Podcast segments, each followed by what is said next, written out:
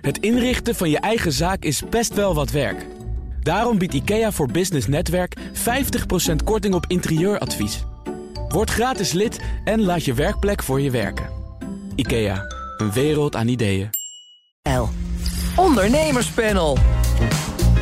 In het derde kwartaal stak Durf Kapitaal wereldwijd 34% minder geld in start-ups en scale-ups. En wie een goedkope auto ombouwt om op een Ferrari te lijken... krijgt direct een leger juristen op zijn dak.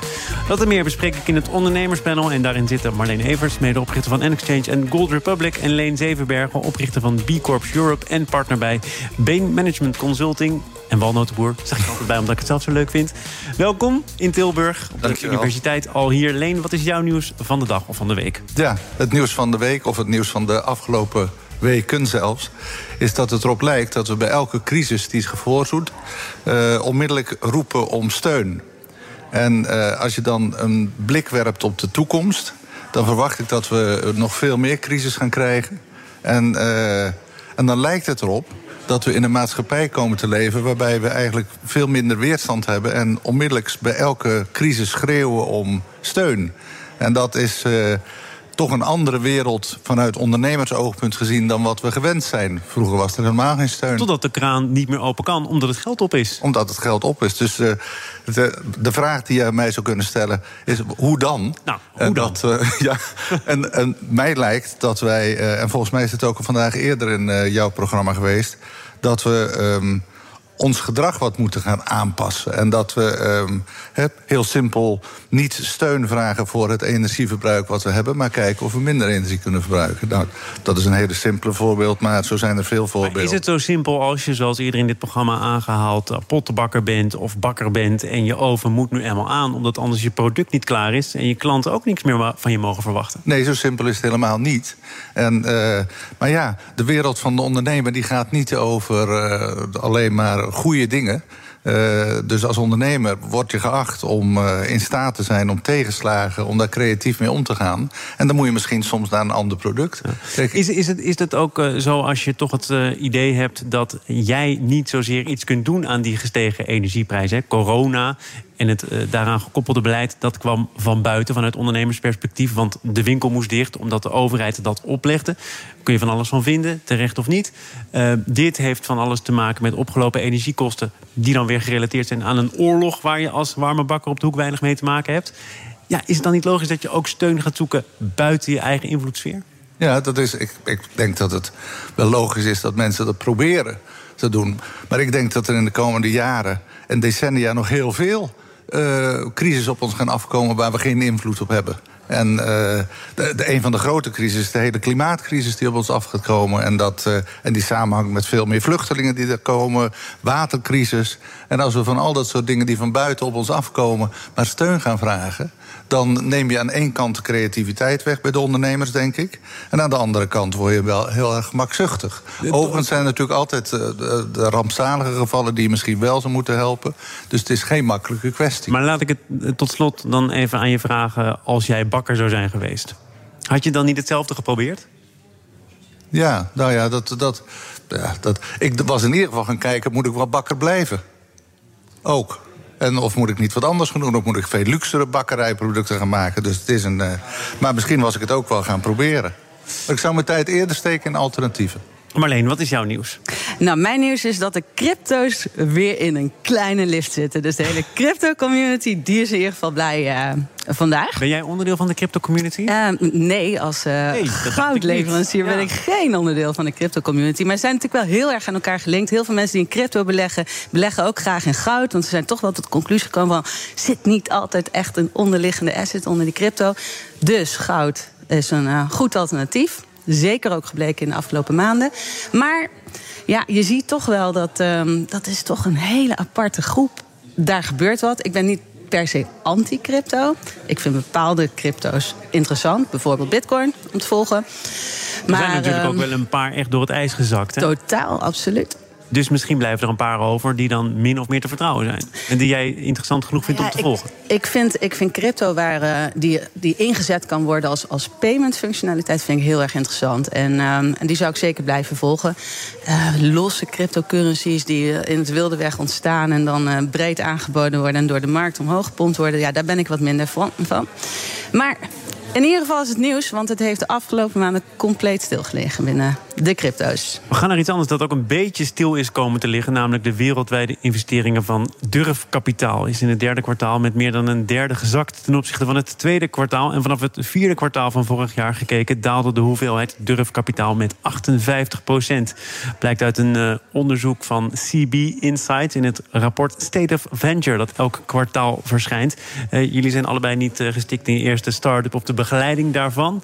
hoe problematisch wordt dit? Dat ja, geld wat minder voorradig is, wat minder makkelijk op te halen is? Nou, ik denk allereerst moeten we beginnen met wat nuance toe te voegen. Um, het gaat vooral over de late stage start-ups. En um, je ziet dat de, uh, de investeringen in de early stage start-ups wel wat afgenomen zijn, maar ergens rond de 8, 9 procent. Dus niet zo fors als in de late stage start-ups. En het is ook heel goed te verklaren waarom, uh, waarom die afname heeft plaatsgevonden. Ja, je ziet gewoon een enorme afwaardering in, in, de, in de grotere tech start-ups. Neem ook bijvoorbeeld Klarna.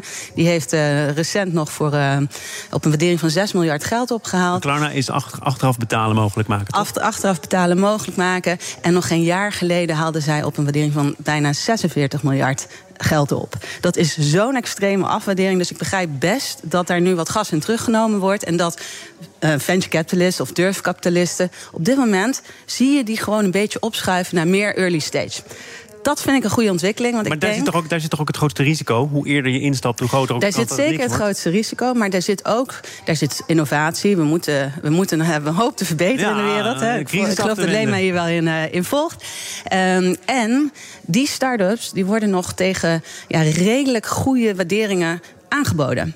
Want je kunt feitelijk nog niet zoveel zeggen over het succes van zo'n start-up en hoe die zich ontwikkelt. Dus um, nou, dat zagen we ook uh, bij de deep, deep tech, zie je dat. Uh, die zijn nog niet zo opgeblazen. Want Klarna zijn... zeg je dus eigenlijk dat is opgeblazen. En hoe eerder je instapt, ja, hoe redelijker de prijs ook die Ja, alleen er komt wel weer de moeilijkheid van... hoe ga je daar nou weer in diversificeren? Want uh, ja, in, uh, in één start-up al je geld pompen lijkt me niet zo'n goed idee. Dus uh, ook daar moet naar gekeken worden. Maar in ieder geval zijn er wel start-ups die op dit moment... nog zeker wel ook wel fors geld ophalen. Neem nou gourmet, synthetisch vlees. Synthetisch ganzenlever zelfs. Um, die vorige week nog 48 miljard ophaalden. 48 miljard. Ja. En Synthetisch ganzenvlees, ik weet niet eens waar het over gaat. Ja, nou, het is dus uh, het, het proeft naar ganzenlever, maar het is geen ganzenlever. Miljard of miljoen? Volgens mij miljard. Ik zou eens even nou, nakijken. Kijk even de nulletjes na. Ja. Dan vraag ik het even aan, aan Leen. Uh, Marleen uh, nuanceert hij terecht. Het gaat over uh, start-ups die al wat verder zijn. En ja. die tegen enorme waarderingen op dit moment in de boeken staan. Logisch dat daar een correctie op plaatsvindt. Daar iets aan voorafgaand. In een eerdere fase is er nog niet zoveel aan de hand? Nou ja, er zijn de gebieden waar ik zelf op opereer. Uh, kunstmatige intelligentie, uh, deep tech en, en investeringen in impact capital. Daar zie je dat niet, die bewegingen. En dat gaf Marleen net ook al een beetje aan. De investeringen die te maken hebben met, laten we zeggen, de toekomst. Bedrijven die ermee bezig zijn. Dus ook dat vleesbedrijf, of dat juist niet-vleesbedrijf. Ja. En wat zo'n hoop geld heeft opgehaald. Daar zie je die terugtrekkende beweging Ja, met niet. Beyond Meat gaat het ook geweldig, toch? Nou ja, Integendeel. Ja. Ja, overigens, ja. Overigens, het was inderdaad miljoen. Echt, uh, excuus, ik werd wat enthousiast. Maar ja, dat kan uh, de beste overkomen. Ja, het zou anders de grootste zijn over ter wereld. Dat, uh, maar er zijn een heleboel organisaties op het gebied van... en bedrijven op het gebied van vernieuwing, nieuwe economie... duurzamere economie, waar heel veel geld ingaat nog steeds... en waar eigenlijk een, een, een appetite, om het zo maar te noemen, is wat groeit. En, en dat heb je ook bij AI, zie je dat. Uh, alhoewel uh, ik denk ik al eerder hier gezegd heb... dat ongeveer 50% van de AI-bedrijven en de mensen die erin zitten... weten eigenlijk niet wat AI is. Dus er is een, uh, er is een enorme inflatie, vind ik altijd, in de term...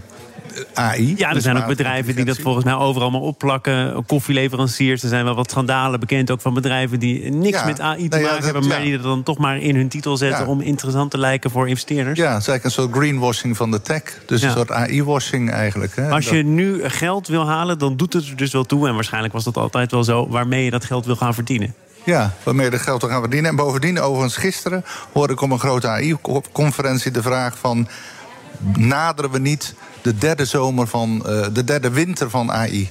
De derde winter betekent dat ook daar een uh, terugtrekking gaat komen. Omdat de beloftes die gedaan hebben veel te groot zijn. En dat het dan tegenvalt. Wat eigenlijk nu aan de hand is in een heleboel andere sectoren. Als je uh, nog even wat dieper ingaat op dat uh, rapport dat verschenen is. dan wordt er toch wel voor de zoveelste keer ook gezegd dat er een enorm gat zit. tussen wat er in Europa wordt geïnvesteerd. en hoe dat dan in Amerika is. Ja. En dat is natuurlijk ook een bijna vaststaand gegeven. Ja. Moeten we dat ook maar als vaststaand gegeven accepteren? Of is het nog denkbaar dat Europa ooit het been echt bijtrekt? Nou, dat hoop ik dus wel. En dat is in ieder geval waar wij ons echt keihard voor inzetten. We, hebben, ik bedoel, staan hier nu in Tilburg, maar we hebben zulke mooie universiteiten in Nederland. Er is zo'n ontzettend goede businessinfrastructuur. Ik vind dat Nederland, ik geloof dat we nu op de zevende plek staan, die, moet, die mag wat mij betreft er gewoon veel harder gas in geven. Maar het zit nog niet in onze cultuur, dat is wel overduidelijk. Dus ja, ik denk dat daar een, een, een verandering moet komen. Met Nederland voorop, als het aan mij ligt. Er zijn zelfs uh, investeer, uh, Amerikaanse investeerders die naar Nederland toe komen... dat ze vinden dat de kwaliteit van de aanbiedingen... de kwaliteit van de start-ups hoger is. En er is daar veel geld beschikbaar in Amerika... Ja. en te weinig goede ideeën. En op het gebied van venture capital, of impact capital eigenlijk... Is het, uh, lopen wij in Europa wel wat voor op Amerika weer. Het kan dus wel. Wij gaan naar deel 2 van dit panel. BNR Nieuwsradio. Zaken doen. Thomas van Zeil. Het ondernemerspanel wordt vandaag gevormd door Marleen Evers en Leen Zevenbergen. En we praten over het zakelijke social media platform LinkedIn. Vergoed namelijk adoptiepremies en vruchtbaarheidsbehandelingen voor personeel. LinkedIn heeft wereldwijd 19.000 medewerkers. En naar eigen zeggen worstelt zo'n 16% van de koppels met uitdagingen op het gebied van vruchtbaarheid. Um, maar alleen we hebben het vaker over arbeidsvoorwaarden en hoe je mensen toch nog aan je bedrijf kunt binden of kunt lokken, verleiden. Is dit weer een nieuw hoofdstuk? Ik, ik, ik schrok er een beetje van. Ik word er ook een beetje stil van. Ik denk toch. Niet, uh, niet de bedoeling in dit panel. Nee, hoor. nee, is, niet, is zeker niet de bedoeling. Ik heb ook mijn hele hoofd hier op, op, op, op breken op, uh, op weg hier naartoe. Van ja, wat vind ik hier nou van? Want aan de ene kant is het natuurlijk onwijs waanzinnig dat je je werknemers op een bepaalde manier kan stimuleren. En dat je kan helpen bij een problematiek die dus duidelijk aanwezig is. Maar ik heb er toch een beetje moeite mee. Want ik denk dat er andere faciliteiten zijn die je kunt bieden aan je, aan je werknemers. Lees dan waar we het de vorige keer over hadden. Uh, ja, faciliteren in energieproblematieken, et cetera. Die misschien toch nog wel iets meer urgentie hebben dan, dan dit. Maar ik mag daar niks over vinden of over zeggen. Ik vind het bijzonder dat LinkedIn in ieder geval zo'n stap zet. Fysieke en mentale stress, hè? dat is waar LinkedIn Precies. het op gooit. En ja. uh, als je maar ik denk dat er daaronder lijden... dan heb je ook als werkgever een taak mits gewenst om daar iets aan te doen. Dat Klopt, is de, alleen er is wel een, er is ergens een grens wat een beetje stopt, denk ik. Hè, van wat is nou het moment dat je echt, echt alles moet gaan faciliteren. En dat, uh, ja, ik vind dit wel heel ver gaan. En ik denk dat bijvoorbeeld, gaan we nou alles faciliteren... Hè, wat fysieke en mentale stress veroorzaakt? Lees dan je energierekening. Of, uh... nou ja, er zijn natuurlijk veel, veel bedrijven die dat al doen. Ja. In het FD stond een uh, paar dagen geleden een stuk over extraatjes voor uh, werknemers. Dat ging onder andere over tegemoetkoming in energiekosten. het ging ook over het eventueel gebruik maken van een budgetcoach of extra salaris. Ja. Je kunt natuurlijk op verschillende manieren daar proberen invulling aan nou, te geven. Ik zou het waanzinnig vinden als, als we nou eerst eens zouden kijken naar bijvoorbeeld opvang, kinderopvang. Zorgen dat dat allemaal goed ingericht ja, is. Maar dan moet je en, eerst wel kinderen hebben, toch? Dat, dat is voor deze koppels wel een punt. Dat is waar. Blijkbaar. Ja, maar het, was wel ook wel, het, was ook wel, het werd ook wel ingezet om ja, wat meer diversiteit in de cultuur te krijgen, et cetera. Dus, nou, de, de, de, manager die hierover gaat bij LinkedIn zegt ook... dit is niet bedoeld als wapen in de war for talent. Nee, het gaat ons er echt om, om onze medewerkers tegemoet te komen, op gemak te stellen en ervoor te zorgen dat ze geen stress ervaren. Wat vind jij hiervan, Leen? Echt uh, ja, nou ja, benieuwd. Ik, ik, ik, uh, ik, had dezelfde moeite, maar ik, omdat ik denk, dit is gewoon, dit is echt een, een gruwelijke vorm van greenwashing. En, uh, maar dan kan ik geen ander woord voor green bedenken. Maar het is wel een soort van. Want ik zou bijna zeggen: laat het nou toch aan de medewerkers over van je bedrijf.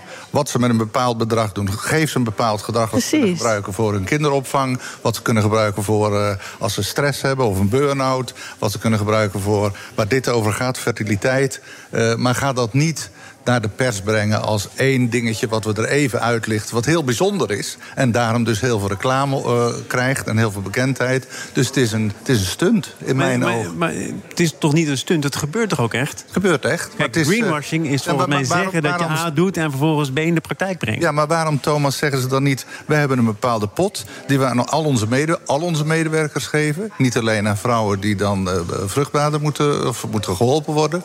Uh, maar ook aan de mannen die erbij horen. En we geven één pot aan al onze medewerkers. Die kunnen ze aanwenden voor dit, dit, dit, dit, dit. Maar ik begrijp voor, voor medewerkers die uh, niks, geen probleem ervaren... rondom het krijgen van kinderen of geen kinderen willen... Die dat, er ook, ook, die pot. dat er ook wordt geïnvesteerd in het opvangen van huisdieren.